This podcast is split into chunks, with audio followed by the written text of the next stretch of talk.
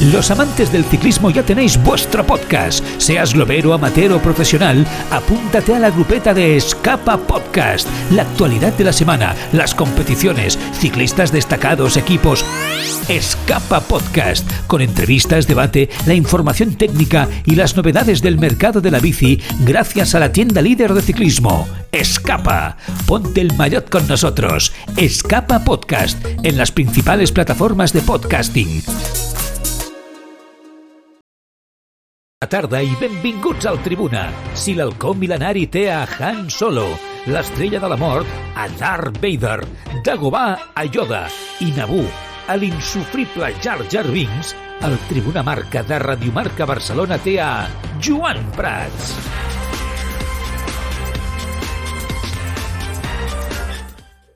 Què tal, com esteu? Molt bona tarda. Benvinguts un dia més al Tribuna Marca. La Fiscalia ha presentat una denúncia contra el Barça. Era la denúncia anunciada, però hi ha novetats. Contra el Barça, Enríquez Negreira, Josep Maria Bartomeu, Sandro Rossell i els exdirectius Òscar Grau i Albert Soler. Ho fa pels delictes continuats de corrupció entre particulars i administració deslleial i falsetat en documents mercantils. Això arrenca d'un informe de l'Agència Tributària, com bé sabeu, que investiga Enriquez Negreira i les seves empreses. Segons la denúncia interposada per la Fiscalia, Negreira hauria amenaçat així a Bartomeu. Atenció, perquè hi ha noves dades, eh? No tinc voluntat de donar publicitat a totes les irregularitats que he conegut i viscut de primera mà en relació amb ningú del club, però vostè m'hi obligarà si no reconsidera la seva decisió i compleix amb l'acord que teníem de seguir explicant els meus serveis fins a final del mandat presidencial.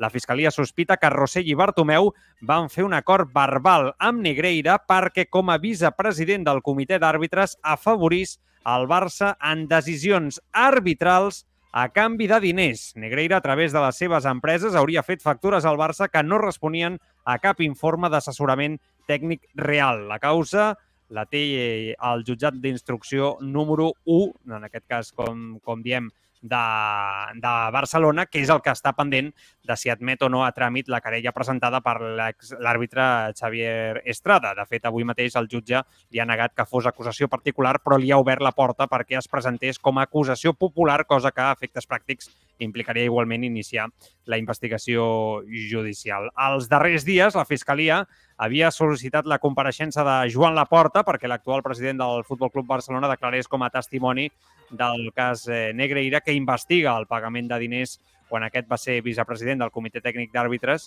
i així mateix la Fiscalia també demana que compareguin, com ja se sabia, davant del jutge els exmandataris Joan eh, Gaspar, Sandro Rossell o avançava el país aquesta setmana. Bueno, la Fiscalia té previst incloure el Barça com a persona jurídica entre els denunciants per un cas de corrupció continuada en uh, l'esport. Hi han diferents uh, conclusions que, sens dubte, hem d'extreure de tot plegat perquè déu-n'hi-do, eh, déu nhi i es comença ja a donar per fet que el que s'investiga realment és la compra o el pagament del Barça d'uns diners per influir directament ja en, uns, eh, en l'arbitratge, eh, per tenir un tracte de favor en el tema arbitral. Déu-n'hi-do, eh? Déu-n'hi-do Eh, hem de parlar de més coses, evidentment. Ha parlat de Jong, va parlar a RAC1, Rafinha, Catalunya Ràdio, Piqué ha posat una pancarta enmig de la Diagonal, que s'ha quedat el tio més ample, eh, ell eh, fent, eh, fent de les seves amb, amb Javier Tebas, eh, el tema Messi a sobre de la taula. Hi ha molts temes, insisteixo, però, evidentment, el cas Negreira un dia més per aquest abans d'aquesta tarda torna a ser protagonista. Amb el Marc Truco, com tots els divendres. Truco, què passa? Bona tarda, com estàs? Hola, què tal?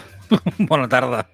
molt, molt animat, molt animat. Molt animat, no? Sí, sí. sí. Està, de moment, el sumari del programa és millor que moltes sèries de qualsevol plataforma. Sí, ja ho pots dir. Ja.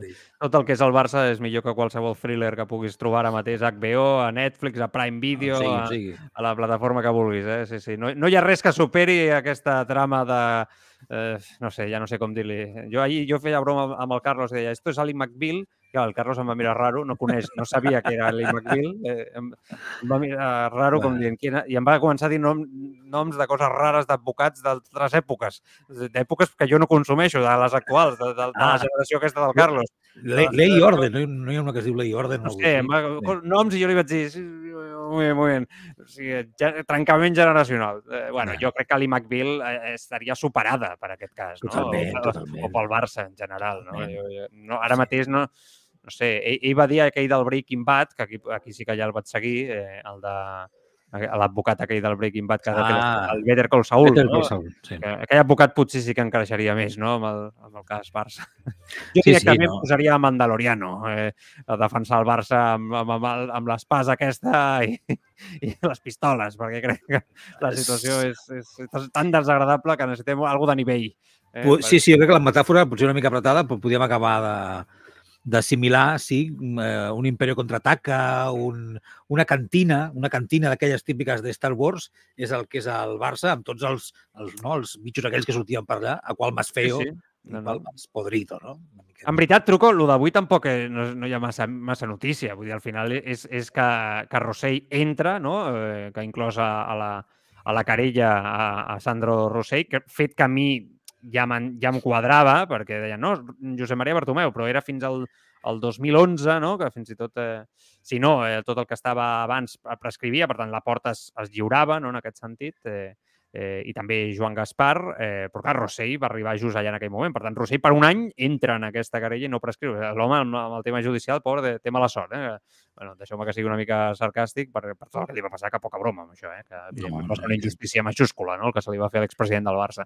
Dit això, dit això, el més destacat segurament és aquest punt, no, eh, Marc, on eh, s'explica que la Fiscalia sospita que tant Rossell com Bartomeu ja tenien un acord eh, verbal amb Negreira per, per eh, que els àrbitres afavorissin el Barça. Ho dic perquè sempre ens hem estat preguntant si realment aquest era el motiu, no? Eh, davant de totes les hipòtesis eh, que s'estaven eh, doncs una mica mm, donant voltes en base a elles, no? a veure quina era la, la hipòtesi pel qual el Barça pagava aquests diners més enllà de que aquesta opció estava sobre la taula, però com sempre tothom ens ha dit que aquest senyor no tenia cap mena de poder, etc etc. Ja les últimes setmanes ja ens hem anat decantant cap a aquesta opció d'una forma clara, no? ja ens hem anat, ens hem anat acostant bastant, amb, sobretot amb la seva declaració davant de l'Agència Tributària de la Neutralitat, no? jo crec que d'aquí també, i ara ja la Fiscalia no s'amaga, no? ja obertament diu no? clarament que el que investiga és que el Barça comprés àrbitres i que tingués una incidència clara, directa, sobre el terreny de joc, fet que ho fa gravíssim i que si finalment ara la justícia haurà de fer la seva feina, si això s'acaba demostrant, eh, pot tenir una conseqüència que ara mateix jo no crec que arribem ni a imaginar pel Futbol Club Barcelona. Eh, és el major escàndol de la història del futbol eh, espanyol i, i bueno, eh, hem, de, ser- hem de començar a tocar tots de peus a terra de que això pot acabar molt, molt, molt malament pel Comitè Tècnic d'Àrbitres 1, això jo crec que per començar principalment, ja fa dies jo que demano que els àrbitres, fins que això no es demostri, no haurien de xiular ni un sol partit. Eh? Jo ja fa setmanes que ho demano, que vinguin àrbitres de Polònia, d'Itàlia, de França, més igual on els haguem de contractar, però que vinguin a xiular de l'estranger i els paguem, perquè, eh, bueno, nosaltres no, jo que collons parlo, par- parlo primera persona, eh, que, us, que els paguin ells, que en tot cas, només faltaria que haguessin de pagar nosaltres, que ja paguem suficient pel futbol per veure en televisió, que ens costa un, un, un, un ronyó i mig. Dit això, jo, sincerament, crec que el Barça és l'altre gran damnificat si finalment es demostra això i les conseqüències, insisteixo, pel Barça poden ser horribles. O sigui, horribles i, i, i, escolta, si es demostra que ho havien fet, malauradament haurem de dir que justes, no? Però quan dic que horribles poden ser, doncs imagineu-vos, és que descensos, eh, que surtin de competicions, eh, que, els, que li treguin títols, eh, perquè bueno, la justícia ordinària pot tenir... té tot el poder, pràcticament, no? per poder fer el que, el que cregui en un moment determinat. Pinta la cosa, sincerament, molt greu. La justícia que faci la seva feina, però a dia d'avui ho veig molt magre. Ho veig molt magre. És una sensació, no és una informació, és una opinió, eh? veient el que cau, i aquí amb això podeu fer el que vosaltres vulgueu, amb la meva opinió, eh? Però jo us truco, no sé, ho veig, ho veig molt negre, no sé. Eh, jo mm, vaig donar la meva opinió i, i és una opinió Com la meva, sí, sí. basada amb el que surt a la amb el que premsa. surt a la premsa, el que tenim, el que es va que, fer de la Fiscalia, clar, clar. exacte, sí, ja com se'm mou no, el, el, el, Totalment, del braç, totalment. No, no, segons quines informacions. un tio pelut, eh, el truco. Jo, jo crec que eh, sempre ho he pensat, i fa molts anys que ens coneixem i fem ràdio Ah, no, plegats. no, no, ets, molt- no ets molt pelut, ara que penso. Jo- Ara, ara, ara, ara que ho he dit, vols, no... vols que ensenyi el pit? No, no, la pit, una mica de, de Twitch? de pelambrera aquí al pit, però no ets un tio especialment pelut. No, no, no, no. No, no, no no. normal. Bé, no, Exacte. Vinga, Na- vinga, anava a dir que di- di- Explícanos tus argumentos. Sí, Perdó, sí, perdó, és que, és que, és que el truco jo portem tot el, tot el dia junts, perquè us feu la idea, no? I arriba un punt que ens hem de posar seriosos per fer el programa de ràdio. Hi ha vegades que ja ens surt la tonteria, i ara aquest surt, a vegades li surt amb ell i avui m'ha sortit a mi la Sí, tonteria. sí, sí. sí Eh, és així, vale, ja. Vale, perdó, va, callo, callo. No, que jo ja sabeu que sempre he pensat que que al Barça hi havia coses, per com es gestionava, per qui ha estat els presidents, per les informacions que han anat sortint anys rere anys, dècades rere dècades. Per mi, per mi des de fora, tot el que ha estat eh, relacionat amb el Barça, no a nivell esportiu, eh, sinó a nivell de la gestió, dels clubs, dels ismes, tot això, per mi sempre hi ha hagut alguna cosa com bruta, que dius, ah, hòstia, això són uns interessos aquí de gent que vol poder, que vol manegar, pa, pa, pa. i escolta'm, a les proves me remito amb tot el que ha acabat passant, val? d'acord? Però, igual que penso això, també penso que els organismes esportius, la federació, el comitè d'àrbitres, la FIFA, la UEFA, el Madrid, el com consorda, és el tres quarts del mateix. No és que el Barça, en aquest cas, jo pensi que és excepcional. El Barça és excepcional amb algunes coses. Però jo crec, crec, és una opinió meva, que el modus operandi, en general, és el que és, com a mínim, pel que jo veig i conec, que és Espanya. És el que jo penso. Què vull dir amb això? Vull dir que si alguna cosa em comença a quedar clara del que es va publicant, ja veurem què s'acaba investigant i què s'acaba descobrint i judicialment què s'acaba aprovant, és que comencés com comencés tot això, que no sé si ho arribarem a saber, a mi em dóna la sensació que en algun moment el Barça comença a estar extorsionat. No sé com ha, com ha començat això, però per les informacions que van sortint i pel que es va, el que es va buscant... L'estorsió és una de les opcions, Marc, el que Va, dius, va, però... el que però, acabes però... d'explicar tu, de que, Sí. escolti'm, eh, o paguen o, O no, o clar, todo. No, no, si això jo sóc molt conscient amb tu, que, que el, el focus també s'ha de posar en, en, en abans de l'arribada d'aquest senyor, perquè aquest senyor li, li demostra el tema de la neutralitat. Si ja, ja ho vam comentar l'altre dia, estaves no, tu però aquí, què vull dir? ho vam parlar, però, però després hi ha un altre focus eh, Sí. clar, que és que el Barça, conscientment, ja no, ja no per la neutralitat, sinó que conscientment volgués comprar arbitratges a favor... Eh, És que, mira, em puc equivocar, Joan, però jo... ja, però és, és que t'estaràs mullant, mullant i t'estaràs llançant a la piscina sense, sense tenir... O sigui, vull dir que, no, que no et dic el que hagis de dir, eh? però que vull dir que cap de nosaltres, i que ho faci, jo crec que pues, vale, pues ho fa, però que, eh, o sigui, no, és- no és que vull dir que menteixi, però ara mateix són opinions Opinions, opinions. agafant el que hi ha. Vull dir, Sí. t'estaràs llançant a la piscina sense saber què hi ha al fons. Vull dir, perquè ara mateix, eh, Marc, totes les hipòtesis, poden estar obertes. Vull dir, la Fiscalia, tot- principalment, totalment. ho acabo de llegir, està investigant Sí. que el Barça, mm, Roser i Bartomeu compraven àrbitres per tenir incidència a favor seu en un partit de futbol. Vull dir que... mm, Que sí, que sí, que, això- que, això pot, que això pot ser, i tant que pot ser, i més parlant de qui parles, perquè eh, tot el que s'ha sabut i el que no se sap de la gestió d'alguns presidents del Barça. Però, clar, és que aquesta teoria, fa dues setmanes que sortien, el, el, no? el CTH sortia amb tots, amb una roda de premsa, ben grossa, tots allà, Sí, sí, todos a una, jo- fuente ovajuna, a mi, aquí jo ja vaig dir que, que aquella, sí, jo ja vaig dir que aquella roda de premsa va ser lamentable per mi. I que, i que de tota aquesta història de qui menys en fio és del comitè tècnic d'àrbitres. Jo ja ho he dit moltes vegades. Perquè en el Barça hi ha alguna que se'ns que se'ns escapa, perquè tants presidents i, i tant enemics entre ells, no? que mantinguin un modus operandi, que quan arribava un nou president no sortís i digués si això s'estava fent o no. Vull dir que és estrany tot plegat. Clar. Però jo de qui menys me'n refio en tota aquesta història és del comitè tècnic d'àrbitres i és que a mi més, jo coincideixo amb tu amb això, més em fa la impressió que amaga alguna cosa. Ara, que el Barça ens han d'explicar moltes coses, Sí, és però que- evident. Vull dir que no ho sabem tot, és evident, i que els dirigents ja es pot dir que no han estat a l'altura amb aquest tema de les circumstàncies, també és evident, perquè hi ha un simple fet, que és que li han pagat uns diners a un senyor que era el vicepresident del comitè tècnic d'àrbitres, que això no es pot fer. Per tant, Totalment. sigui el motiu que sigui, els, els, els presidents que ho han fet, per mi, no són dignes en aquest sentit de tenir la classe i el nivell suficient per dirigir una entitat com el Barça. Totalment. Jo. Totalment. Sí, sí, no, no, sí, jo dono tota la amb això només faltaria. Però, però el que vull dir és que em dona, em sens- em dona, comença a donar la sensació, començo a sospitar que el Barça és un més en tot això, perquè em costa creure, em Què vol dir costa un més? creure... No t'entenc, no et segueixo. Què vol dir Sí, un més? Que hi ha una màfia amb el futbol espanyol amb aquest tema i que el Barça és una És a dir, víctima més en tot és dir, això? Però és que El és comitè d'àrbitres ha estat en no mans han del enganxat. Barça? El comitè d'àrbitres ha estat en mans del Barça?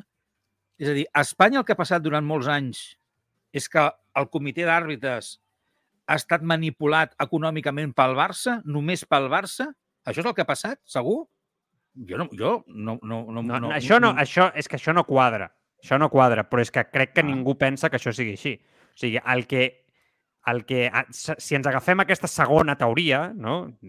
perquè la primera ja de, la de que aquest senyor netejava diners del Barça em sembla que ja a poc a poc va caient pel seu propi Bueno, vés a saber. Ja, bueno, que s'ha de demostrar, però que em sembla que com a mínim ara està perdent força, no? No està en el seu moment mo- més àlgid. Però aquesta segona teoria, per una incidència directa amb els arbitratges, no? com en aquest cas estàs, estàs comentant tu, jo no crec que sigui plantejada tal com la planteges tu. O sigui, jo crec que és més plantejada des d'un punt de vista, a veure com t'ho explico això, eh, de que el Barça tingui un tracte de favor excepcional com a club per un tracte diferencial amb aquest senyor que Sí. jo el que no em crec és que aquest senyor no tingués cap mena de contacte amb el president del Comitè Tècnic d'Àrbitres ni amb el president de la Federació Espanyola de Futbol, que és el senyor Villar en aquest moment. Eh? En aquell moment no? O sigui, no, no crec que sigui que el Barça tingui agafat pels collons, permeteu No, l'expressió, com bé tu no. dius, el Comitè Tècnic d'Àrbitres. No? no No, crec però- que vagi per aquí. Jo crec que és però- una qüestió molt privada de 3-4 potes en aquest sentit que maneguen l'arbitratge que amb el Barça si, si és aquesta la segona teoria, tenen un- una disposició no? de, a, a nivell de, de favor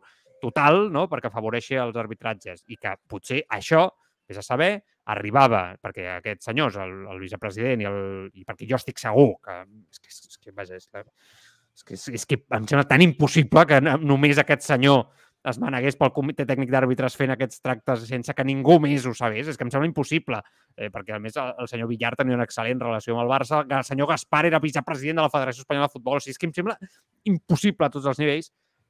Potser el que feien era, tinc tres àrbitres que estan en, el, en la història, perquè al final això és una història, no? Eh, Mhm. és una trama, i llavors a l'hora de designar-los pues, eh, intentaves afavorir el Barça. Si és que és aquesta segona teoria de la qual tu estaves parlant ara. Eh, és, jo crec que aniria per aquí. No crec que sigui, com tu al principi deies, una super mega trama enorme, no? Eh, No, jo el el que Barça volia- t'ha aga- t'ha agafat eh, No, home, no, el però jo el que volia dir... d'àrbitres. Sí, però jo ho deia en el sentit, no en aquest sentit, el deia, ho deia que, que em costa, em costa, em costa, em costa d'imaginar que en tot un comitè d'àrbitres només hi tingués mà al Barça per a través del senyor Negreira, com dius tu, amb tres o quatre, com a teoria possible, Mm. eh, tenir un tracte de favor. Primer, que si tu pagues una pasta gansa, és a dir, no, no ho sé, no, no, no, no en sé jo, però tu pagues una pasta gansa per un tio que està mig fora, mig dins, que sí que té relació, que no se sap... Però, però una cosa, que Per- aquesta és la trama que, que, que, que, que a veure, si, si això, això que dius tu, jo estic d'acord amb tu si em crec el que m'han explicat del comitè tècnic d'àrbitres, que és un tio que estava mig fora, que no pintava res, Ah, que, eh? però jo és que jo Vale. t'estic dient que jo no m'ho crec. Vale. Aleshores, això va més enllà. Això podria ser, una, una, una segona teoria, podria ser que això fos una mica més gran del que sembla, en principi. Vale?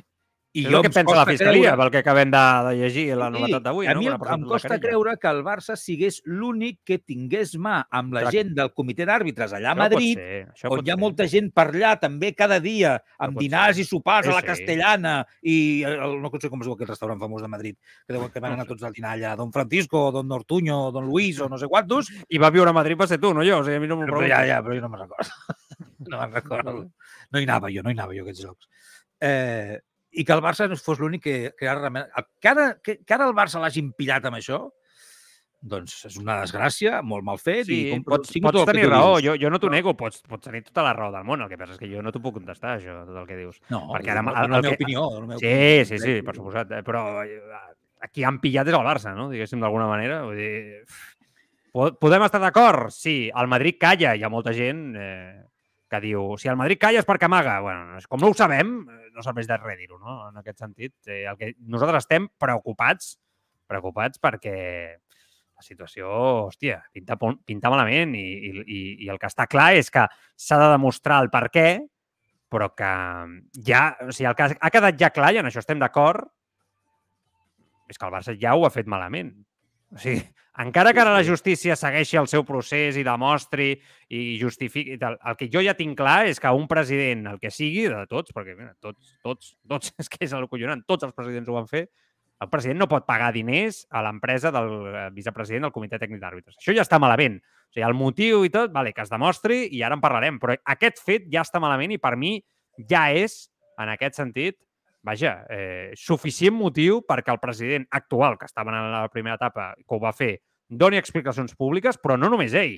Jo crec que um, assenyalar d'una manera tan clara Joan Laporta sol, només, em sembla que, i que hagi de sortir ell sol, em sembla fins i tot injust, m'atreviria a dir. Jo, jo crec que hauria de, haurien de sortir Rossell, Bartomeu, Laporta, Joan Gaspar, junts els quatre, a fer una roda de premsa oberta que duri quatre hores, m'és igual amb preguntes, repreguntes i, o exposar-se a un mitjà de comunicació, no sé, moviment o una ràdio, i que parlin i que responguin les preguntes eh, d'uns quants periodistes, una tertúlia oberta i amb un, amb un moderador. O sigui, algo així molt, molt heavy, vull dir, el que crec que és que el que... O sigui, Això no ja passarà, sé que, Joan. Ja sé que és il·lús, eh? ja, ja, ja soc conscient, Marc. Soc conscient que no passarà perquè el modus operandi eh, de, des de fa molts anys és amagar, amagar i amagar i amagar. Així estem com estem a dia d'avui però crec que, que ara mateix la situació és que no, l'única cosa que podria solucionar a, a nivell de gestió una mica és, és parlar clar i que tinguéssim motius realment defensables per justificar aquests pagaments. Perquè això, la història aquesta de que aquest senyor eh, no, aquest senyor feia informes tècnics, doncs que m'és igual que fes informes tècnics, que no està bé pagar-li informes tècnics tampoc al vicepresident eh, del Comitè Tècnic d'Àrbitres, que tu no li has de pagar a ningú, que hi ha un conflicte d'interès eh, claríssim i evident i que, i que no ens prenguin per idiotes perquè és que és la mania dels polítics, no? moltes vegades, o la majoria de vegades, i en aquest cas també els dirigents esportius que estan en focus de poder, que és prendre la gent per idiota no? I dir, no, ja colarà. Pues, escolta, la gent no és idiota, la gent no és tot, la gent curra cada dia i intenta fer les coses de manera noble no? i sap perfectament que quan tu li estàs pagant al vicepresident del Comitè Tècnic d'Àrbitres 7 milions d'euros, hi ha alguna darrere que, que no és normal. Per tant, això ja està malament. Els motius ara, la justícia agreujarà o no agreujarà ja la realitat. Però parlem de realitat el Barça ha pagat uns diners a una persona que no li havia de pagar. Mala gestió, mala praxis per part dels directius, els dirigents i els executius que estaven al club. Intolerable. Que donin explicacions i que surtin. Està, tu, és que quin nivell de dirigents portem tenint 20 anys al Barça? Lamentables. Ni un d'ells ni un, ni un d'ells es mereix haver estat president de, de, de l'escut que, que han representat només per accions com aquestes. Així de clar t'ho dic. Estem, jo, jo, estem cansats ja d'aquest nivell, tu. Cada dos per tres amb problemes. És que, és que de veritat, és que és lamentable. Sí, sí, el Barça sí, és molt, sí. representa molta gent, representa emocionalment i sentimentalment, Marc, a molta gent i no s'ho mereixen, ells. No s'ho mereixen. No es mereixen un club com aquest.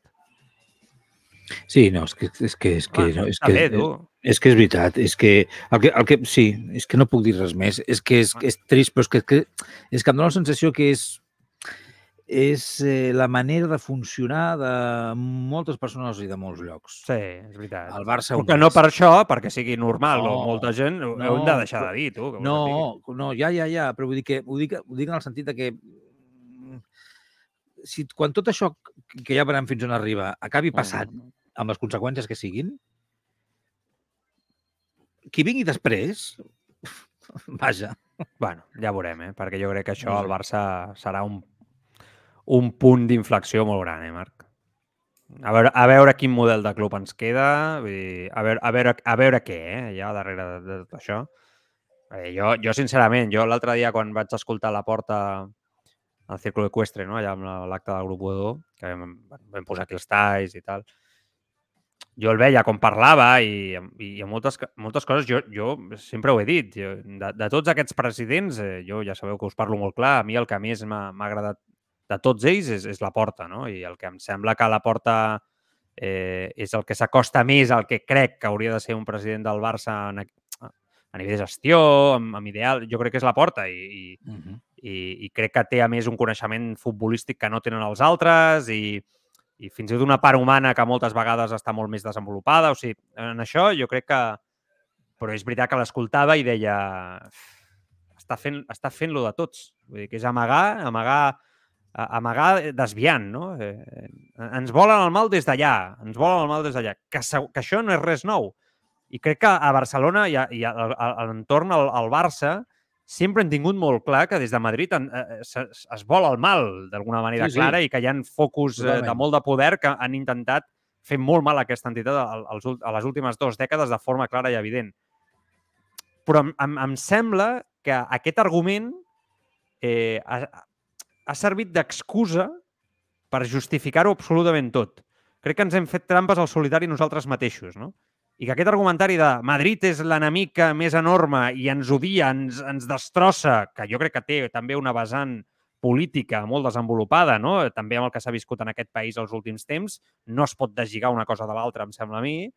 Crec que també, no per tothom, però va molt arrelada a, molt, a molta gent del Barça, no? la part política i el que s'ha viscut els últims 10 anys en aquest país.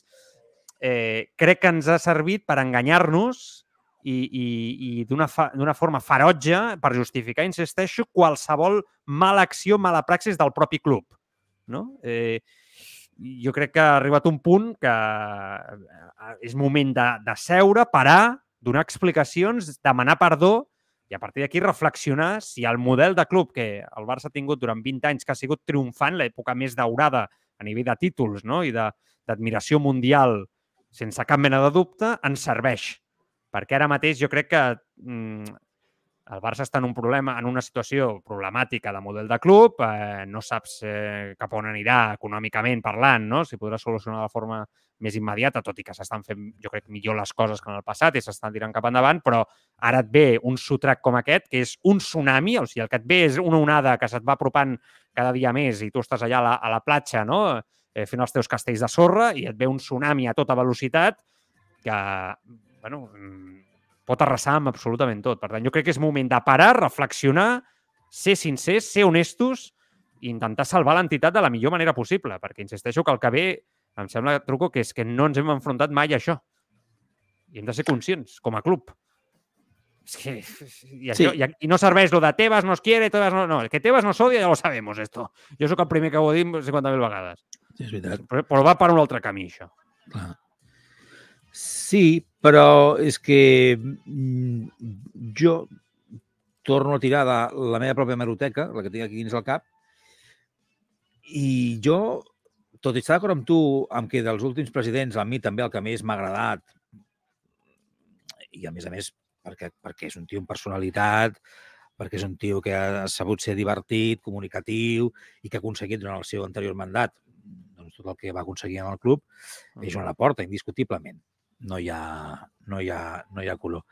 Però ja amb ell, en aquella època, quan fèiem el directe Marca Matí, mm, a mi em donava la sensació que moltes coses, moltes decisions de les que es prenien mmm, no, no, no, no, les, no les entenia. O les entenia si les justificava amb alguna cosa que el futbol no és així, no? El futbol, el futbol és així. Eh? El futbol sí. és així. Eh? Ah, doncs sí. mira, pues hi ha comissions i... Sí. Pues Portem potser massa temps 10, amb aquesta història. Pagues 22, però com és així, ah, pues, pues sí, vale. Sí, clar, bueno. no, no, sí, clar, si vas Saps? a mirar eh, fitxatges estranys on el Barça ha pagat diners i comissions bueno, al Brasil, ja... empreses tràfics i tal, aquí ja no, no cabem mai, no, no, evidentment, però això bueno, passa al Barça i a tots els equips, allò... eh? Bueno, això passa ja, ja, tot arreu, eh? Però, jo, però és com un exemple de moltes coses. Vull dir, jo em dono la sensació que sempre, sempre, sempre, a nivell de gestió, la cosa ha anat de mal en pitjor. Sempre hi ha hagut coses que, jo, que, que tots hem vist, tèrboles que no ens acabaven, i però ha sigut el mateix que dèiem abans. bueno, doncs, va, no, no, no en sabrem, no ho sabem. Al final es deixava de parlar. Alguns mitjans potser no li, posa, no li fotien prou canya al tema i la cosa moria. Pum! I hem anat tirant. I hem anat tirant com un kamikaze que va a sí, espinyar-se sí. contra el terra. Sí, sí. I pel camí els kamikazes anaven eh, barallant entre ells, però una lluita d'egos de poder eh, I de terrible poder, i lamentable per mi. Jo crec, que, jo crec que amb la perspectiva que ens dona el temps, les lluites que hi ha hagut dels ismes en aquests anys al Barça han, han sigut d'un nivell eh, baixíssim, eh? O sigui, un nivell molt trist. Molt trist, sincerament, eh? Mm, no vull dir altres paraules, però, però vaja, el nivell és molt baixet.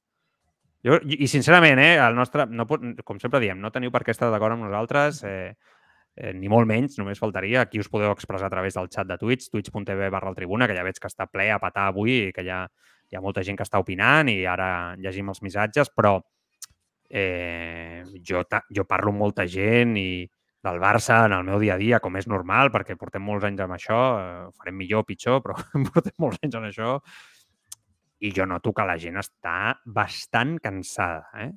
de l'entorn Barça. O sigui, de, del que representa eh, el, el Barça més enllà del que és el purament futbolístic. Dels egos, de les poders, dels jutges, de... de... Però ja no pa, tant pel de fora, eh? que també, que evidentment, ja, com hem dit abans, hi ha aquesta vessant. Eh? La Lliga fa pena, la, la seva organització, la Federació Espanyola de Futbol és un, un escàndol, amb Rubiales mirant cap a un altre cantó i a sobre donant lliçons, que em sembla que és la, el sarcasme més, més gran. De, és irònic, no? Això és, és al·lucinant. Però sí que és cert que veig molta gent que, que, que, que demana, diu, hòstia, és que jo abans era del Barça, vivia el futbol d'una manera apassionadament, m'encantava parlant de jugadors, d'això, però és que darrerament fins i tot em tensiona seguir el Barça o l'actualitat del Barça, no? Ha arribat un punt que s'està extrapolant d'una manera més enllà del, del mínim exigible per un club d'elit, no? Escolta, eh, els Lakers, vaig sempre a la NBA com a exemple, m'és igual, eh? però per no anar-me'n a la Premier, els Lakers tenen temporades bones, pitjors, dolents, escàndols, un jugador, la crítica, eh, escàndols que a vegades ocupen la premsa rosa, si vols, algun dia, un altre, però, però no és això, m'enteneu? L'aficionat dels Lakers s'enfadarà, s'empipa perquè la pilota no entra, perquè a vegades guanyes l'anell, perquè a vegades no, les, les dinasties, els projectes van més, millor, aquest, aquest entrenador és dolent, no ho fa millor, però, però, però no veu eh, els dirigents, eh, els jutjats cada dos per tres, eh, amb escàndols eh, periodístics cada dos per tres, la fiscalia ficada pel mig, és que això, en comptes de, d'un tema esportiu sembla la sèrie aquesta del Billions, no sé si l'heu vist, de Movistar, amb el fiscal per allà, amb, els, amb, amb, amb tios de Wall Street, no? fent, movent milions, que sembla això, sincerament. D'aquesta època del Barça es podrà fer una sèrie que serà èxit d'aquí 10 mm, anys a HBO, eh, no? un thriller eh, de corrupció al més alt nivell, jo crec que, que serà un èxit absolut, perquè no hi ha cap argument que pugui superar això. Cap guionista tindrà la imaginació per fer alguna cosa així. Llavors, no sé, jo, sincerament, crec que hem de fer una reflexió entre tots, periodisme inclòs, perquè és evident que el Barça no va bé, Marc. Jo, jo, jo crec que no va en la bona direcció. No va en la bona direcció. Bueno, jo ho vaig dir fa temps. Jo la sensació que tinc és que, un, ho dic així, no sé com dir-ho dir d'una altra manera, que hi ha una mà negra, unes mans negres que estan conduint el, el, el projecte Barça, el club a... No, I ara amb els actuals dirigents, jo personalment estic, estic més tranquil. Jo, jo, jo, jo sóc dels que pensa que la Porta no vol portar el tema una societat, societat, societat anònima esportiva. Jo, jo sóc dels que pensa que la Porta ha millorat moltes coses i que l'herència era horrible.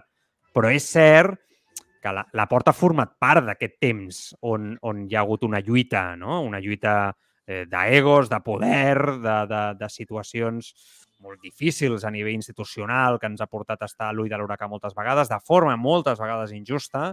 La Porta, per mi, ha fet més coses que dolentes, evidentment, però el que és evident és que la Porta era president d'un temps on, precisament, eh, aquest senyor Negreira tenia un tracte no? amb, el, amb el club i ell havia accedit a pagar. Per tant, insisteixo, està en aquest, en aquest període. Potser no tant com altres presidents o altres persones, és veritat, jo sóc el primer que, que ho diu, però és cert que ha format part d'alguna manera del joc. Del, quan em refereixo als ismes, la Porta ha format un paper clau amb aquesta lluita dels ismes dividit en dos bàndols, no? I, i on ha lluitat pel seu bàndol. Insisteixo, moltes vegades potser s'ha defensat perquè els altres van creuar una línia eh, molt ferotge i molt lletja, no? Però, sí, no sé, crec que hem de... El Barça, de, de, no, no sé si potser, ara, si tinguéssim a la porta aquí davant, potser a la porta ens dirien, bueno, no, aquesta reflexió ja l'he fet i ja hem començat el canvi, no, Marc? Potser o ja hem començat a intentar netejar, perquè ell, ell ho diu, ell ho diu, ell ho expressa, no? Quan parla davant dels mitjans de comunicació, ho expressa de forma constant. Ell diu que, que es van trobar el que es van trobar, que li estan canviant la imatge al club, netejant, i que això necessita temps. Jo això li compro 100%. Però és veritat que quan veig això amb el cas Negreira i en tot plegat, hosti, doncs, bueno, no sé, jo, jo, jo crec que és difícil, sincerament, no? de, de, de pair, tot, tot plegat. És, és difícil, bastant difícil, no? Molt. Jo crec que és que estem eh, fastiguejats nosaltres, pel que veig dels oients que comenten coses al, al xat del Twitch, doncs també Ara la majoria, que no, que, no, que, que no sabem què dir. Eh, i, i, i, i, I ho dic per totes les posicions. Eh? Em dóna la sensació que fins i tot aquells que d'alguna manera defensen molt l'argument de no? Són els altres que ens volen el mal, no? Són els de Madrid que sempre ens estan atacant. Bueno, això és com que això... Tot, clar. Nosaltres som molt autocrítics. Eh, sí, però que fins i tot des d'aquest punt de vista em sembla que també estan cansats, han d'estar cansats de tot això, no? Ja. Encara que no vulguis veure segons quines coses d'aquí, no? Ja no parlo d'aquells que pensin que, ah, com que som d'aquí, no podem criticar allò d'aquí. És un argument no, d'aquells no, no. que a mi em descol·loquen una miqueta, no? Bueno, eh, però fins i tot... Respecto tot, tot, eh? però no és, no és, massa, no és massa tampoc. L'estil aquí, no? No sé. Això. Perquè jo, sincerament, eh? quan vam començar tu i jo fa molts anys aquí a la ràdio, t'ho dic de veritat, eh? Mai m'hagués imaginat, no sé quin any... Que per tot al davant tindríem tot això, no? El futbol espanyol. Això, impossible. Sí, sí, sí, I amb el Barça. Ja no, jo no amb el futbol. Sí, perquè al final... I amb el Barça. Sí, està clar, està clar. Però mai, eh? És heavy, és heavy, és heavy. És heavy, és heavy, o sigui... és veritat. és veritat que, que ja et dit, ja t'he dit que, que és, un, és una història, és un thriller, no? És un, un thriller de corrupció espectacular. Bueno, de corrupció, no sé, digue-li com vulguis, no sé em surt aquesta paraula perquè, és, perquè hi ha hagut corrupció, no?, d'alguna manera, en l'etapa Bartomeu, però que potser és... No sé. En fi, bueno, anem a llegir missatges, Marc, què et sembla? Eh? Sí. Eh, I a partir d'aquí...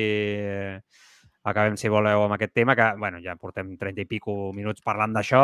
Jo crec que, mira, ens ha sortit així, eh? fer una reflexió una mica més global, perquè també eh, ho mereixia potser la, la situació, però, bueno, insisteixo, eh, crec que en queda molt encara pel davant i el, anys, eh? em sembla que això anirà per llarg, que acabarem d'extreure conclusions. Va, truco, missatges, què diu la gent? Doncs mira, per començar, l'Albert Catfrí, que em sembla que fa una estona ha dit que no ens volia escoltar més perquè no agradava el que dèiem, que ens Ah. anéssim a fer tertúlies a Madrid, Bueno, que deia. molt respectable. Diu- Ah, sí? No, ja en fem. Jo, jo, jo ja en faig. Eh... Sí, bueno, és igual. posava al principi del programa, diu, cas, Osasuna, Amanyos a tot i ple, i això és el més greu. I després deia, doncs són molt barats els àrbits d'Espanya, no? El Turomi després apuntava, de no se trata de comprar árbitros, sino de influenciar sobre ellos.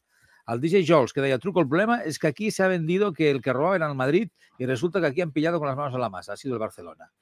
Després el Turomi, que també apuntava, los que pitaban bien al Madrid le bajaban de categoría los que beneficiaran al Barça los hacían internacionales. Al Turomi després també afegia, incluso algunos que retiraron por beneficiar al Madrid. El Jogar deia, no es pot especular, de moment s'ha de parlar de fets i els fets són pagaments només del Barça. L'Antonio, que deia, la cosa pinta xunga per al Barcelona. I el Jugar afegia, també s'ha de parlar, a part dels beneficiats, els damnificats. Segur que algun equip va baixar a segona per aquest motiu. Bueno, si es demostra això- el Clar. tema aquest que...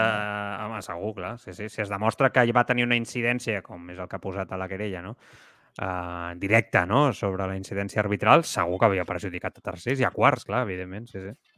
Al Palala, que deia, si el Madrid calla es porque le interesa y ahora mismo su aliado más importante es el Fútbol Club Barcelona. Al Manu Medina Traine, diu, las aclaraciones quizás las tendrían que hacer a un juzgado, en un juzgado, ¿no? Diu, la prensa irán a hacer aún más daño al club. Mucho periodismo tiene muchas ganas.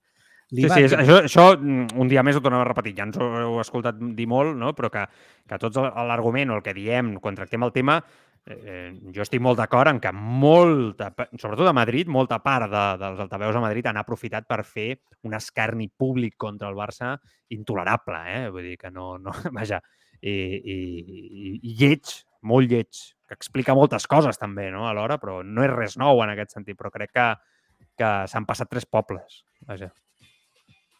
Mira, el Iván que deia, si la Porta le pagó y le subió el sueldo, por dignidad debería dimitir. Al IPS 1987 diu, no debes tener ningún vínculo económico, económico con el CTA, independientemente si los demás lo hacen o no, o si sirvió de algo o no. Lo más fácil para que no te pillen es no hacerlo. Decepción total. Al Palala, que també, també apuntava, diu, el problema, Joan, es que a lo mejor no puedes ser sincero porque eso te puede llevar a la destrucción. Quizás lo mejor para la entidad es intentar tapar todo lo posible y que, y que pase la tormenta. Clar, o sigui, aquest, eh, mira, aquest missatge em sembla molt interessant, perquè, sincerament, jo crec que ha plasmat com els dirigents del Barça pensen que tenen, que tenen només aquesta opció com a solució per tot el que està passant. Em sembla, eh? Em, em fa aquesta impressió. El deporte es sinónimo de éxito, de triunfo, de gloria, de respeto. Los deportistas, atletas, jugadores, entrenadores son referentes, aclamados en todo el mundo y también son víctimas. Tribuna Marca con Joan Prats y el podcast Crímenes Ibéricos de Apcas.com presentan Crímenes Deportivos, el podcast que te narra las muertes y asesinatos de deportistas de todos los tiempos. Escucha Crímenes Deportivos en tu plataforma preferida de podcasting.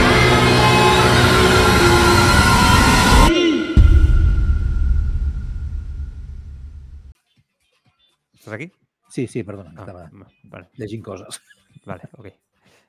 Eh, eh, DJ George a este paso voy a escuchar algún día a alguien decir que Florentino mató a Kennedy. Mm, vés a saber. I 1987 diu, però desviar-ho tot sempre a Madrid no crec que sigui el més adequat i cal ser honestos. Albert Catfrí que deia, adeu nois, veus, aneu a fer tertúlies a Madrid, que allà us aplaudiran i potser us escoltaran. Ah, però, però tot el contrari, es nota que no veus les tertúlies que anem a fer a Madrid perquè allà ens les tenim, eh? No, no, no, no. Sí.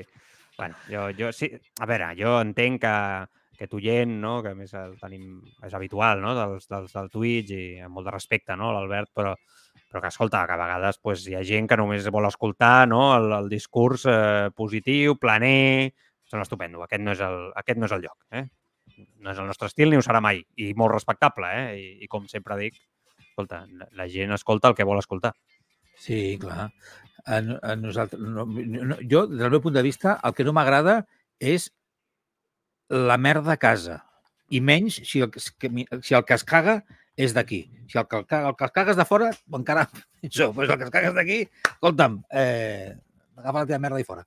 Bé, y un últim de l'Alcazaba que diu, buenas tardes, ya tenemos pruebas claras de que el Barça pagó a ese señor para que le favorecieran los árbitros, porque hablar de algo que solo te inculpa, un, que solo te inculpa una única persona y que primero dice una cosa y luego otra, no tiene mucha solidez. Bueno, Crec que està contestat. Vale.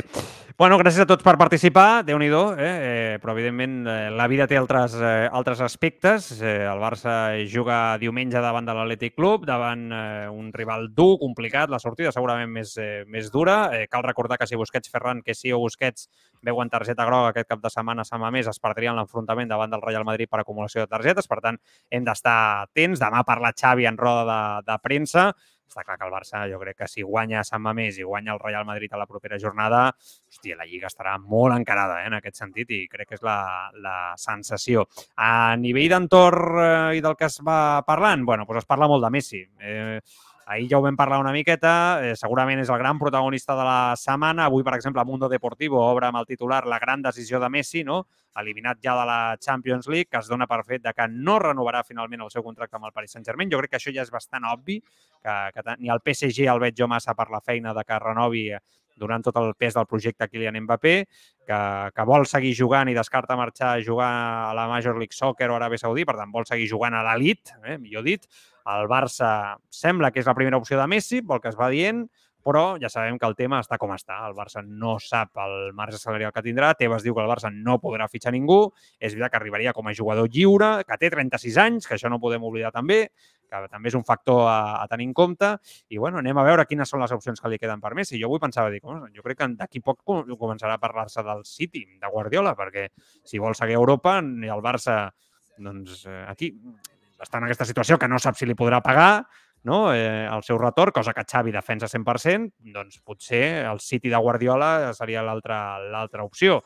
Eh, no sé, diferents coses a comentar. La primera que jo crec que Messi no s'imaginava que el PSG potser li tancaria la porta, eh, donada una mica la línia que ha anat les últimes setmanes, eh, no, no s'acaben de posar d'acord, l'eliminació a Europa, jo crec que hi ha hagut una certa tendència a, a tancar-li la porta a l'Argentí jo ja ho deia ahir, Marc, a mi em dóna la sensació que podem trobar-nos de nou en una situació on, on Messi hagi de tornar a esperar al Barça, després del show que vam tenir amb el tema de les eleccions i jo crec que podria, podria arribar a tornar a passar el mateix. No sé si Messi estarà disposat a refiar-se no? de nou, de trobar-se en una situació de dir, bueno, espero el Barça fins que tingueu el marge salarial de la Lliga per poder tornar, ara que sabem que es van veure amb la porta, que sembla que la relació ja és millor entre les dues parts jo no sé, jo, jo ja saps que sóc partidari de que no torni, etapa tancada, un homenatge i fora. Però també és veritat que veure què passa, no? Eh, sí que veig a, a Xavi, sí que el veig, que cada cop que se li pregunta en roda de premsa per aquest tema, el veig... Mm, els ulls li fan xiribites. Xiribetes. Xiribetes, en català. Eh, no ho sé, és que... Ho també et fa mal, eh, aquest tema. És que, és també que, fa mal, eh? És que no, no, jo, quan estava escoltant, estava pensant... És el que ve. No, favor, és el que ve perquè... No, però és el que ve, Truco, has de fer-te la idea perquè la situació s'ha posat ja en un punt on Messi però a veure una cosa. està al mercat i és el que... Barça és la però... seva primera opció. O sigui, això que... ho, tenim, ho hem de tenir tots claríssim. Perdoneu, eh? Però és que o sigui, tenim tots una tara mental. És que no veiem el que passa. és a dir, és que, de veritat, ens falta punt de cocció tots, però anem, anem tots al forn agafats a la mà. És que, a veure una cosa, si fa dos anys, o menys, no sé quan ja que passa el temps, vam passar tot el que vam passar que va ser impossible de cap de les Bueno, maneres arribar a un bueno, acord. no bueno, hi havia bueno. tutia. La, eh, té molt a veure amb senyor Tebas i, Sí, i sí, el sí, CVC i tot. Val. I que si el Barça hagués entrat a CVC, el, segurament Messi hagués, eh, estaria jugant al Barça a dia d'avui. Eh? Jo crec Bueno. que és bastant obvi, això. Vale, però... Però que els acords econòmics dels que es parlaven segurament eren, no sé, aquells, aquella, aquells anys Messi estava cobrant 50 quilos, em sembla que era, no? Sí, sí. Bueno, sembla que ara demana 37, vaig llegir a la premsa Oh, francesa, i al molt PSG bé. li dic que no li paga. I em sembla que aquest és el principal motiu Ah, pel qual Sí, no es posen d'acord. I el Barça, amb la situació amb la que està tota, No, no, no. en Això, general... això és evident. Si està pa- Messi ve al Aleshores, Barça o sí. bé no, o bé amb un sou simbòlic i el Barça pagant-li el que li deu ja de les temporades anteriors, Ara, després de tot, vam un sou simbòlic. aquesta, jo, o amb un sou molt baix eh, pels anys que hagi d'estar. Si signa per dos anys no? i s'està jugant fins als 38, doncs... Ah, li deuen diners, clar, és veritat, sí. També et dic que, que, que Messi té 30, farà 36 anys, que ja és una edat que dius, hòstia, a, a veure, eh? també, vull dir que és veritat que el Mundial va jugar a un nivell altíssim, però que l'altre dia no s'assemblava en res al Messi del Mundial, que hem de tenir-ho en compte, això, també. Eh, hem de saber a veure com acabem de, de, de valorar aquest punt també, de l'edat. Ara, no ens enganyem, si estem dient cada dos per tres que el Barça té un problema no? a nivell d'un jugador determinant sobre la gespa, etc etc molts aspectes, no ens enganyem. Si Messi vol, té el talent encara per jugar dos anys al màxim nivell. Jo crec que ens ho ha deixat claríssim. I que físicament està, Perdona, perdona, perdona, perdoneu, eh? està bé. O sigui, jo ho veig com... com, com eh, em, Tu estàs flipant, eh, amb aquest ho, tema ho de que veig Messi penós. realment ho veig, pugui... Molt, ho veig molt penós. Però Perdoneu, eh? El Barça és Veig penosa molt- des de fa molt de temps, Veig Marc. molt penós que el Futbol Club Barcelona Però és que el Barça no pot accedir a estat fitxar cracs. hagi estat incapaç de solucionar bé la sortida de Messi. Pues, home, pues I, jo quan, no. I no dic la sortida només, sinó Pues dic jo la no, Marc, sortida sincerament. i perquè tenim... els dirigents en aquest sentit tenien una papereta supermica complicada i amb el club com estaven, ells no han pogut anar a fitxar Haaland o Mbappé i en aquest sentit. No, no és com una situació de fa molts anys on el Barça tenia el poder per, mira, perdo aquest crack, però fitxo un altre i em recupero. No, ara el Barça El estava en una Barça- situació molt difícil. el Barça ha sigut incapaç de solucionar bé la sortida de Messi, o sigui, no ha acabat bé amb, amb la sortida de Messi, Messi no ha acabat bé al Barça, No. eh, esportivament no hem aconseguit encara Això és molt simple. solucionar l'etapa Messi, i ara a sobre, en comptes de mirar endavant, Això és un altre tema. Aquí la, el, el, el, la part final de ara l'argumentari m'hi torna a venir. Messi.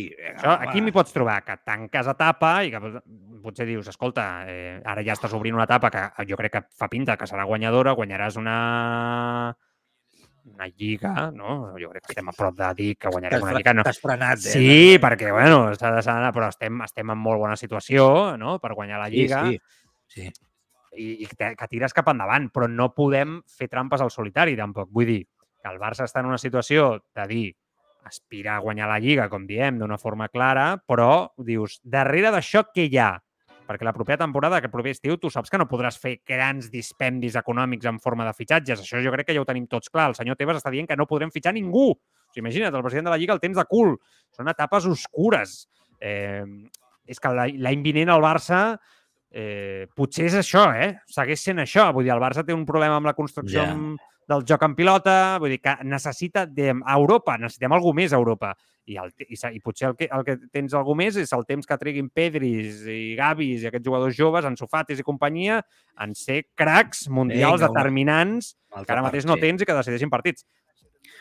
Llavors, eh, si arriba Messi, potser amb Messi, amb un Xavi que el sap rodejar bé, li sap treure el millor de si mateix, etc etc, amb Lewandowski, etc. Hòstia, doncs potser... mm, A veure, que jo no, no, jo no sóc partidari, eh? però entenc que Xavi digui no em pots portar aquest ator nom mediàtic que et demano per fer un plus, no? per la propera temporada competir a Europa i, i fer un plus la- l'any vinent. No? Doncs em portes a Messi, no et preocupis, ja m'arreglaré jo com a entrenador que el millor jugador de la, de la història rendeixi el meu equip. Saps què vull dir-te? Vull dir que jo crec que una Sí, mica el plantejament, sí, cos tècnic és aquest, amb Messi, no? i Clar. el club. Però només faltaria, si jo, a veure, que, que, que que m'entengui tothom. Jo sóc el primer que, eh, encantat de la vida, i aniré a aplaudir així com les foques davant del Camp Nou, si torna Messi es torna a vestir de blaugrana.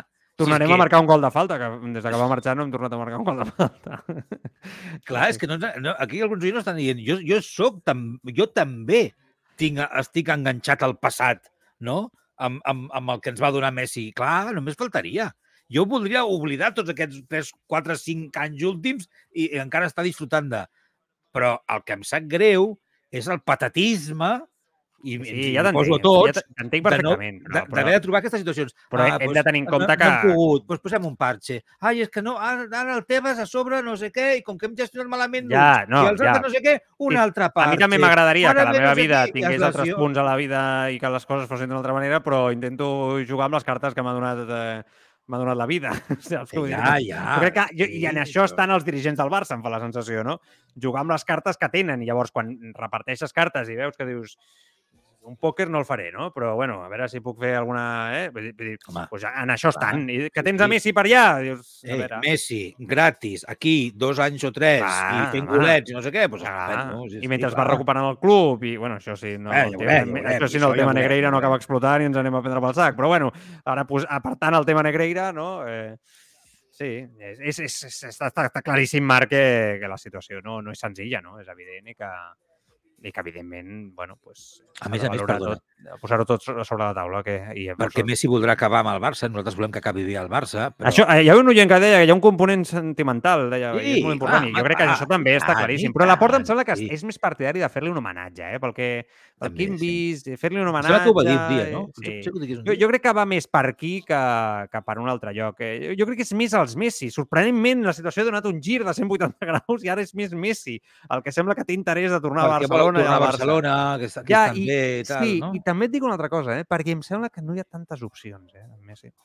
Eh, ja, ja, ja sé que el que estic dient és molt dur per al millor jugador de la història, però si el PSG et dona l'esquena, mmm, que és una mica el que em sembla que està passant pel que es va publicant a França i com venim explicant els últims dies, si no s'obre la porta del City de Guardiola, que era una opció que quan tu anaves a sortir del Barça és on anaves, eh? recordeu? Quan va fer el, el burofax aquell famós que va enviar al Barça i tot plegat, però no que Guardiola i el City no estan massa per la feina de- d'incorporar Messi. Tenint a Haaland, no, no, si s'entenen, si no s'entenen. Messi és evident que et condiciona el joc. És evident que és un futbolista que et condiciona tot el futbol que fa el teu equip. I si no, que li diguin a Mbappé. Hem de dir les, les coses pel seu nom. Eh, tots hem vist el PSG en aquesta Champions. Mbappé és un grandíssim futbolista, mm, un gran futbolista, mm, de moment lluny del que és Leo Messi al llarg de la seva carrera esportiva. Potser Mbappé és el jugador més determinant del món actualment, eh, no? Potser sí, a gustos del, del consumidor, no ho sé, però hem de reconèixer, jo, jo ho he vist, que Mbappé i Messi, tot i que en molts moments sí que han connectat, mm, no, no han tingut un, un, no, no, no ha sorgit una espurna, no? com va sorgir amb, amb Luis Suárez i amb Neymar quan Messi estava al Barça, per exemple. Això no ha passat. Això no ha passat en Mbappé. I crec que el PSG diu, defenso Mbappé, que té 10 anys pel davant i, i no se me'n vagi al Madrid per sobre. Llavors, qui pot fitxar Messi si el City tampoc s'interessa i el PSG li, li dona l'esquena? Ja. Qui li pagarà 30 quilos a Messi? Que és el que està demanant. 36 milions, diuen a França, que demanava. Clar, clar, però, qui no, no, paga això? El Chelsea, el United, aquest, algun equip de la Premier que piqui per aquí i, i bueno, s'emporta un jugador professional, eh, determinant, tot el que tu vulguis, però, no, però fa molts anys que des del 2015 no guanya una Champions i és veritat que Europa... Vull dir que jo admiro a Messi i crec que Messi ha salvat els grans problemes del Barça de gestió de Bartomeu i que segurament amb un altre plantejament hagués triomfat a Europa, però hem de reconèixer que ell per si sol des del 2015 no ha estat capaç i, i, i és difícil, clar, és molt difícil però amb el PSG jo crec que tenia components per fer més i tampoc ho ha pogut, ha pogut brillar més enllà del que brillava el Barça a Europa, no? Llavors, perquè Messi s'hauria d'haver retirat, no, hauria- no hauria d'haver marxat mai del Barça. El que passa que les coses és el que pensa molta gent. s'haurien d'haver portat d'una altra manera, perquè, perquè els hi ha passat també altres jugadors. Són uns jugadors que arriben, que donen tot mm, amb els seus anys d'èxit, i després dius, no, però és que en tenen ja 30 llargs, però encara... Sí, però mm, amb 30 llargs ja, per molt bo que hagis estat, ja, Ja, no tens el rendiment que, que tens, ja no tens Bueno. futur i que, sobretot, no pots seguir cobrant 37 o 40 milions. Mira, jo, jo recordo unes declaracions aleshores has de de- canviar de- alguna d'Alejandro Valverde, que es va acabar retirant ja amb, amb 42 anys, no? Eh, Valverde, bueno, jo crec que és un, és un cas impressionant de, de seguir a l'elit eh, no? durant eh, do, més de dues dècades eh, al ciclisme professional, amb un palmarès impressionant, campió del món, campió de la Vuelta, Liejas, Fletxes Balones, bueno, una, un, un palmarès impressionant, no? Jo recordo unes declaracions de Valverde quan ja tenia 37-38 anys, que ja Alberto Contador, més jove que ell, o Purito, més jove que ell, s'havien retirat, i que li deien, però, mm, clar, eh, hòstia, eh, ja no ets igual que abans, no? Tot i que ell anava tenint fins i tot millors números en batis, no? Que ella explicava, collons, estic movent més, millors números que mai i tal, i ell al final me'n recordo una declaració que deia, Mira, a mi, o sigui, aquestes edats, quan ja ho has guanyat absolutament tot, no? ja t'has vist en una situació de, de glòria esportiva al més alt, el, el, el que has d'anar trobant són petites motivacions. No? Vull dir, eh, jo ja no és que... Si un, di, un dia estic al Tour i em despenjo, no? després d'haver estat al podi ja també al Tour de França i tal, no és que tingui pitjors sensacions que els, eh, que els 34, no? en, en aquest aspecte, els 35. No, eh, el meu físic, jo registro els mateixos números, però l'esforç, les ganes de passar-ho malament, no són les mateixes que en aquell moment, quan encara potser no havia assumit eh, un podi al Tour, no? que, que va trigar bastant en aconseguir-ho, que era un dels grans reptes d'ell a la seva carrera esportiva. Pues això és lo, el que jo crec que pot passar amb un perfil de futbolista com Messi.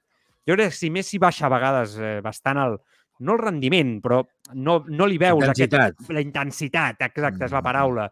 No veus el Messi del, que vas veure, per exemple, al Mundial, és perquè eh, la motivació per al nou repte no és la mateixa. Per què Messi al Mundial era el Messi que no vam veure jo crec que des de fa més de 8 o 9 anys, perquè era guanyar el Mundial. O sigui, era el que ell creia que li faltava no? com a futbolista. Llavors jo crec que va per aquí. Si a Messi el piques i li toques aquest os, no? I, i el saps... Perquè Valverde ho deia, diu, "Ah, con esto me han picado, ¿no? Y ahora me, con, me, me, al final de la carrera me he picado con intentar ganar a la nueva generación, a los Pogacar y compañía, ¿no? Que estos van más rápido que nosotros cuando eran, éramos jóvenes, ¿no? Pues al, al, al final de la carrera esportiva de Valverde era guanyar a Pogacar i el Roglic de torn i tot, aquesta nova generació de ciclistes. I per això el tio bri- brillava i millorava fins i tot els, els seus registres. Però jo crec que Messi va per aquí el tema. Clar, a Messi li motiva, li motiva realment guanyar una Champions, una última Champions, al nivell de guanyar un Mundial? Aquesta és la pregunta que se li hauria de fer, eh, Marc.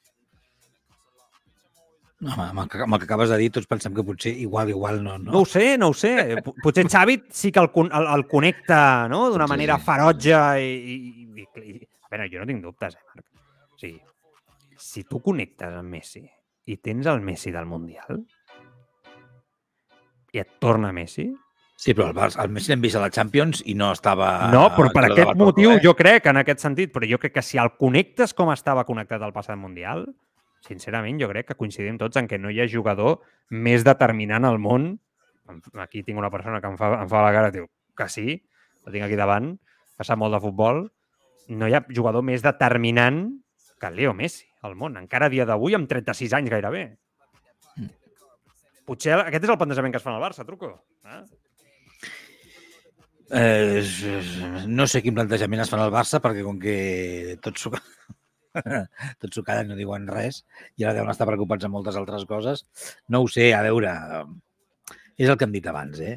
que si ha de tornar Messi, jo sóc el primer que estaré content i hòstia, que guai, Messi ha tornat, el Messi ha de quedar, ho hem dit moltes vegades, el Messi ha de quedar bé, Messi indiscutiblement pot arribar a ser Mm. determinant i no ens enganyem. Eh, per molts eh, contres que els hi posem, eh, a tots ens encantaria veure, jo el primer, el, a Messi, de No, Blaugrana, emocion tor emocional, ah, no, emocionalment, seria la llet. clar. tornant a fer eh, no? eh, la seva màgia damunt del, del Camp Nou. No, no, és que no podem negar això.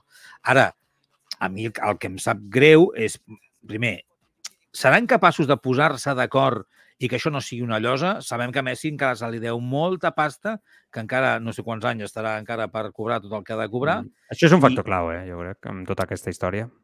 i que aquí hi, ha hi haurà d'haver-hi un...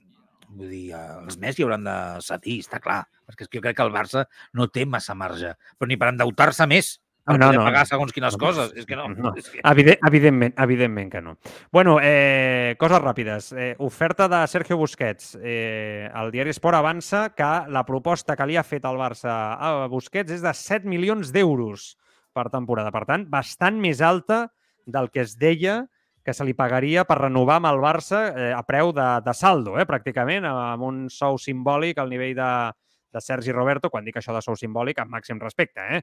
Vull dir, però de, a preu de jugador que acaba contracte, que ja ha fet la seva carrera al Futbol Club Barcelona. Bueno, doncs el diari Sport, per mi, sorprenentment, eh, està explicant que l'oferta del Barça és de 7 milions d'euros per temporada a Sergio Busquets. o sigui, són molts milions d'euros, eh?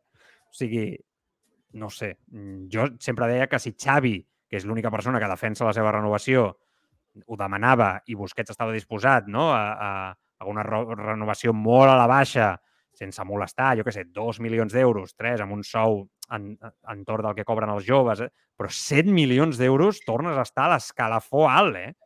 És que... Però és que crec que és una, és una situació del que ara quan estàvem parlant de Messi, que alguns oients deien a través del xat, clar, però és que el tema de tenir Messi és que no has acabat de tenir aquell jugador no, que el substitueixi perquè és difícil, perquè no sé què, perquè en aquella posició un jugador determinant, pa, pa, pa, pa, pa, pa, pa, pa, pa. Doncs a mi em sembla que ja portem temps i temps i sabem no. que a part de la relació i de l'estima que es tenen, Xavi jo crec que no troba, no sap, no veu i el Barça no li pot oferir. Jo, jo o sigui, si, el, si el, a tu et costa 7 milions d'euros la renovació de Busquets, jo llavors m'inclino per dir que no, que no renovi. I ja estan dient si són bruts o nets, són bruts, però és igual. Em sembla que el cost pel club són 7 milions d'euros. Són molts diners. El, jo quan parlo, sempre parlo en bruts perquè parlo, penso, penso en el que li costa al Barça Eh, Busquets li costava al Barça, em sembla que eren ara, no ho sabem sempre amb exactitud, perquè no és públic, però sempre amb totes les informacions que han anat sorgint aquests anys, eh? però em sembla que eren 18 milions d'euros, una cosa així, el que li costava Busquets al Barça, no? Eh, et costa 7, és que és una barbaritat. O sigui, no, per mi, insisteixo, o sigui, i Busquets ho acceptarà, com no ha d'acceptar 7 milions d'euros? és que Busquets ho acceptarà, segur, vaja. Jo crec que ja es pensava que li farien una oferta més en, en, en punts, no? Amb, amb cromos, li pagaven en cromos. No, jo crec que més de, de Sergi Roberto, a nivell de Sergi Roberto, un sou més... Ah, un, sí, ja. Aquí hi ha oients no. que diuen 28, que fins i tot cobrava, no ho sé. La veritat és que jo, jo us, he de, us he de confessar que estic marejat amb els sous del Barça, amb la, sobretot amb aquest, amb aquest nivell. Potser teniu raó vosaltres, eh? que eren 28 bruts, 14 nets, potser, potser. Jo, jo recordo, la, potser que fos una barbaritat així, eh? No, no, sí, és que no, sé, no veig nada d'això. Si són aquests números, jo no renovaria Busquets. És, és el que jo faria. Uh, a veure, què més? Que tinc aquí el guió. A veure, això. Entrevista al Tu diràs de RAC1 i a la nit a Frenkie de Jong, assegurant que es troba en un gran moment al Barça i que és molt feliç. Que me siento cómodo, es que no sé si es mi mejor temporada en el Barça, es que todavía queda mucha temporada también, entonces es difícil decirlo, pero me siento bien, me siento cómodo en el equipo, en el club, en, en la vida, entonces uh, bien. Un tio feliç, eh, Frenkie de Jong. La veritat és que no, no... Ho sembla, eh? I a més està rendint per sobre, no? Molt per sobre els últims, els últims temps. Atenció al que diu respecte al sistema. Diu que el sistema actual amb els quatre migcampistes és el que millor li sent també per les seves característiques com a futbolista. Mm, el sistema me beneficia, eso sí, creo que sí, pero también es más porque ahora si lo comparas con el año pasado estoy jugando un poco más en la base del medio campo que es lo que me siento más cómodo. Sí, como, como he comentado, que me siento más cómodo en la base del medio campo y luego tengo un poco más de libertad para moverme en el campo, para conducir o superar líneas y pues sí me ayuda mucho con eso porque da mucha tranquilidad al equipo, mucho es muy seguro con la pelota, también defensivamente es es mucho mejor que la gente piense en corta muchos pases, intercepta muchos balones, gana casi todos sus duelos, entonces me, me ayuda mucho. Sí, sí, té tota la raó sobre... Sí, no, té tota la raó sobre Busquets, però, però és... no, jo faig una reflexió, eh? No, no deixa de ser curiós que en el millor moment on De Jong més està brillant no? com a futbolista i està rendint al seu millor nivell, sigui el moment on el Barça té menys control de pilota no? eh, al mig del camp del Barça i més control dels partits en pilota. Crec que és bastant significatiu. Eh? Eh, I diu moltes coses sobre el perfil de futbolista que és De Jong en realitat, perquè l'has intentat encaixar durant 3 anys en un rol que jo crec que t'ho està dient tot, l'acabem d'escoltar, no? que no estava a gust, i quan l'has posat a jugar el que ell més sap, el Barça, bueno, els partits es trenquen més, no controla dominar-los igual... Bueno, no sé. Ja? Però és que, sí, no, no, no, ja, ja, ja, ja, però és que al final què, què fas si no? Que sí, que sí. No, bueno, pues, controlar els partits i, i, i reflexionar sobre el perfil que tens amb De Jong.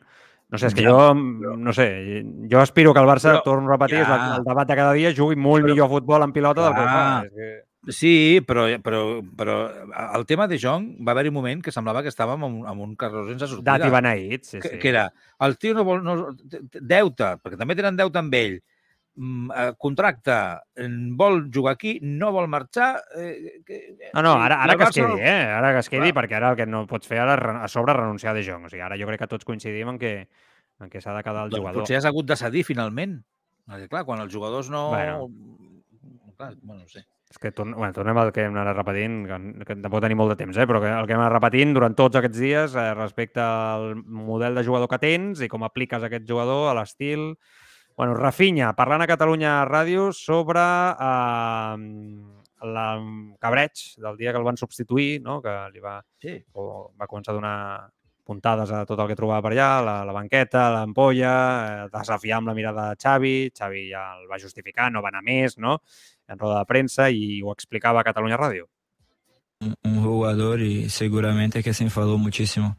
Y por eso yo, yo creo que, que él entiende hasta un cierto punto, ¿sabes? Claro que no podemos exagerar, pero bueno, el, el, el enfado de este partido fue porque eh, estábamos empatando 2-2 y, y bueno, yo, yo creía que podemos eh, salir con la victoria y quería estar en, la, en el campo para, para ayudar al equipo. Pero los enfados se pasan solamente porque los, los jugadores les gustan, les gustan a ganar, a jugar. Sí, sí, estupendo. Arriba el Marc. No, estupendo que, que s'enfadi perquè vol jugar, però que es comporti. Jo, jo ja saps el que vaig dir el dia aquell. Jo, sí, sí. No, A mi no m'agraden els jugadors que, que... Jo crec que la professionalitat també va, no? En, tots tenim dies dolents, tots ens podem emprenyar, eh, evidentment, però... I evident prefereixo, prefereixo, evidentment prefereixo un jugador que s'emprenya en un passota, eh? Això, això està clar, però hi ha nivells, tu pots emprenyar, però no fa falta que, que, que facis el que va fer Rafinha. Jo crec que va, es va passar el videojoc aquell dia, no?, de, de cop. Eh, Tai sobre els penals, s'ofereix a llançar penals. Ho dic com ja ha detectat que hi ha aquest problema amb els penals, eh? Rafinha li pregunta, diu, "Sí, jo estaria encantat, tu. ¿Sería chutarlos? Sí, muchísimo. También te has- te- te has- el otro día no, pero también te propones candidato, ¿eh? Ya, yo, bueno, yo entreno mucho eh, desde, desde Vitoria de, de Vitoria Sport Club en Guimarães, yo, yo tiraba los penaltis, eh, pero en el fútbol hay mucha jerarquía eh, y bueno, los entrenadores que, que selecciona quién va, quién va, quién va a rematar los penaltis y en este partido eh, le cayó a, a, Fer, a Ferran eh, los penalti y bueno, hay una, hay una lista que tenemos que respetar. Bueno, anem provant, no? Truco fins algú que l'encerti, el penal. Perquè això se suposa que ho entrenen, no? Sí, però no, el tema dels No. penals no, no acabem de... No anem rodons, no. De debò que no... Ara que tenim una bona defensa, doncs, que és, és, no podem estar equilibrats. Vull dir, si alguna cosa va bé, a l'altre costat... Té pinta de llançar bé els penals, eh, Rafinha, per això? Per les seves qualitats tècniques, sí que potser seria una opció a tenir en compte. Doncs que pag, pugin la quota d'aquesta que paga el Barça als àrbitres perquè els, perquè... Joder, que cabron, eh? Estàs, estàs, amb això, és- això, això molta gent et odiarà, eh? Amb aquest comentari. És Ja una dic. broma, humor negre.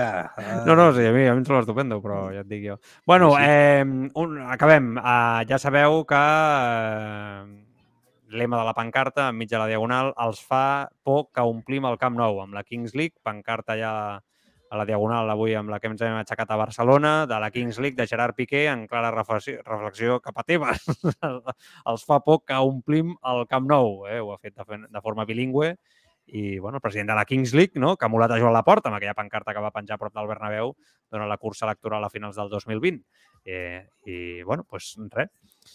Tot bé aquí, Piqué, no? Amb la Kings League, que li estan anant bé, jo m'alegro, doncs estupendo tot. Jo és que com que l'últim que he vist de Piqué ha sigut allò del, de la... Els Rubiales, que li havien demanat... No, No, no bueno, Ah. per al tema dels Rubiales, que, que, bueno, que això, això, això, això, ja Ah. veurem com acaba. ja veurem com acaba tot això. No, no, el vídeo aquest de la, de la llotja que no es volia aixecar se, se Ah, sí, això que s'ha fet viral amb el De Jong, no? Sí, que Sí, sí, sí, sí, sí, amb sí. el De Jong. El que passa és que, bueno, també és veritat que el De Jong es podia seure que tota la seva parella a, a dalt, no? Hi havia un lloc al buit del cantó de la noia. Però, sí, però no ho sé, que no ho sé, igual no n'hi havia, però jo estic allà i em ve un company de no sé què i tal. Com no conec el context del moment, eh, Ja, no m'atreveixo a decantar-me massa, però sí que és veritat que, home, si la noia, no? Eh, la nòvia, sé, ve de Jong i estan a la, a, la, a la cadira del damunt i hi ha una cadira eh, lliure, doncs, no sé, de Jong també es pot, es pot seure allà. O sigui que entenc que Piqué potser es posa pues, massa xulo, eh, que se, que se sienta ahí, que, me, me, que no es vol moure, vale, ok, potser és una mica exagerat, però, No ho sé, hauríem d'entendre el context de tot. sí, clar, però... falta, falta, falta, Sí, falta aquesta context. imatge s'ha fet viral, bueno, especialment a TikTok, no? Tothom està, amb, tothom està amb això, no? Què tal TikTok, tu? Com ho Va, estupendo, estupendo. Sí? Jo, Ets tiktoker ja o no? Bueno, No, no, no, vas, no, no, vas fer viral amb un dels vídeos que un cop un vas fer. Bueno, no? viral, digue, digue, digue, No, bueno, qualsevol TikTok, cosa li diem viral. gent- No, però molta gent cosa a TikTok et va, et va mencionar, eh, per un comentari que vas fer del futbol Allò, allò dels i va ser- va ser el dels ous. De... No sé, dels ous era algo, sí, sí. Sí, molta els gent. dels ous o no sé què, Sí, sí, o alguna cosa així, o quins ous té. Vas agradar, eh, TikTok. Sí, sí, és el que tinc. Que... Ah, amb el bé que balles tu, podries fer els balls de TikTok. sí, només em, que- fal només em faltaria això. La teva filla fa TikToks? No encara, però no, no, no la, meva, eh? la meva filla els mira i, i fa allò a casa que es posa a ballar i intenta... Però no Em els sé un ball. Que em, em No? diu, em sé un ball, jo em poso allò a veure-la i clar, Ah. em fa un ball que dura 15 segons. Perquè, Clar, sí, és que és això. Jo- És, és I dic, has acabat, filla? Sí, només això. Dic, bueno, vale. És això, tu que t'esperes aquí? Dirty Dancing o què Home, jo No, m'espero, clar, jo... Un xulo. Però? Però, però d'aquí poc saps que la veuràs ballar a TikTok, no? Ja veurem. Si podem, si podem evitar. sí. Això és un altre tema. Bueno, missatges i marxem. Va, Marc. els Ah, més últims. missatges, però no n'he seleccionat cap, eh? Els, Bueno, els agafa els del que... Del A veure, que eh, tiro cap a... Bueno, no ho sé. Mira, aquí hi ha hagut informacions que no sé... Quan estàvem parlant del tema dels milions, de l'oferta Sí. de renovació, no? Eh, de Bussi, eh, per aquí hi ha hagut alguns apunts, per exemple, el Taurami, que deia 100 brutos són 3,5, per exemple. Després apuntaven que si en cobrava 14, per exemple. Eh, això em sembla com dit abans, no? Eh, què més? El Guapi 1977 que deia esos 7 millones que le pagan a Messi, que aún eh, de falta no s'arregla un partido i Busquets ja no aporta quasi nada. Com dient, ostres, hi ha diners, a veure, utilitzem-los bé. El DJ Jols, que deia, però eso es imposible, Joan, Messi ya lo ha ganado todo con el Barcelona. Per la motivació, no? Del que dèiem abans de la motivació. segurament, Ja. Segurament, ¿no? El Lips 1987 que diu, hablaban que Bussi y Alba se bajaban mucho el sueldo para encajar A Messi. a Messi, ¿no? L'Antonio diu... Ah, no, que "Es Messi. Que Messi. que Messi. Es que ya veo otra vez la foto cayendo en Europa con Sergi Roberto renovado, Alba acabando su última Clar, el- sangrada, el com club, 7 clar, kilos, sí, Messi de que- nuevo. El risc de renovar Busquets i és que la sensació de, és que no avancem, no? La sensació és que no s'avança. Ah. I, I recordem que Busquets tenia clar que marxava, eh? Quan acaba el contracte, que és una qüestió de Xavi, que li ha demanat que segueixi. Ja, ja, ja. ja. Vale. Perquè- Ja està? Sí, no, ja Vale, està, ja està. perfecte. Sí, sí. Bueno, Marc, doncs res, que vagi molt bé. Eh? Igualment, sí. Mm, Tornem eh, dilluns, eh, a veure què ha fet el Barça de Sant Mamés i ho comentem. Demà roda de premsa de Xavi, molt interessant, serà segur, eh, com totes les que fa Xavi Hernández, i a partir d'aquí pues, a veure què tal, eh? i si podem encarar aquesta lliga, que això és de moment el més important. Sigueu feliços, gràcies a tots per ser-hi. Truco, cuida't. Adéu-siau. Molt bé. Son personas de confianza. Nos ponemos en sus manos. Salvan vidas. Pero a veces, algunos de ellos son asesinos. Upcast y el podcast Crímenes Ibéricos presentan el nuevo True Crime, Médicos Asesinos. Historias reales de profesionales de la medicina que se han convertido en criminales por voluntad o negligencia. Médicos Asesinos. Escúchalo ya en tu plataforma de podcasting preferida.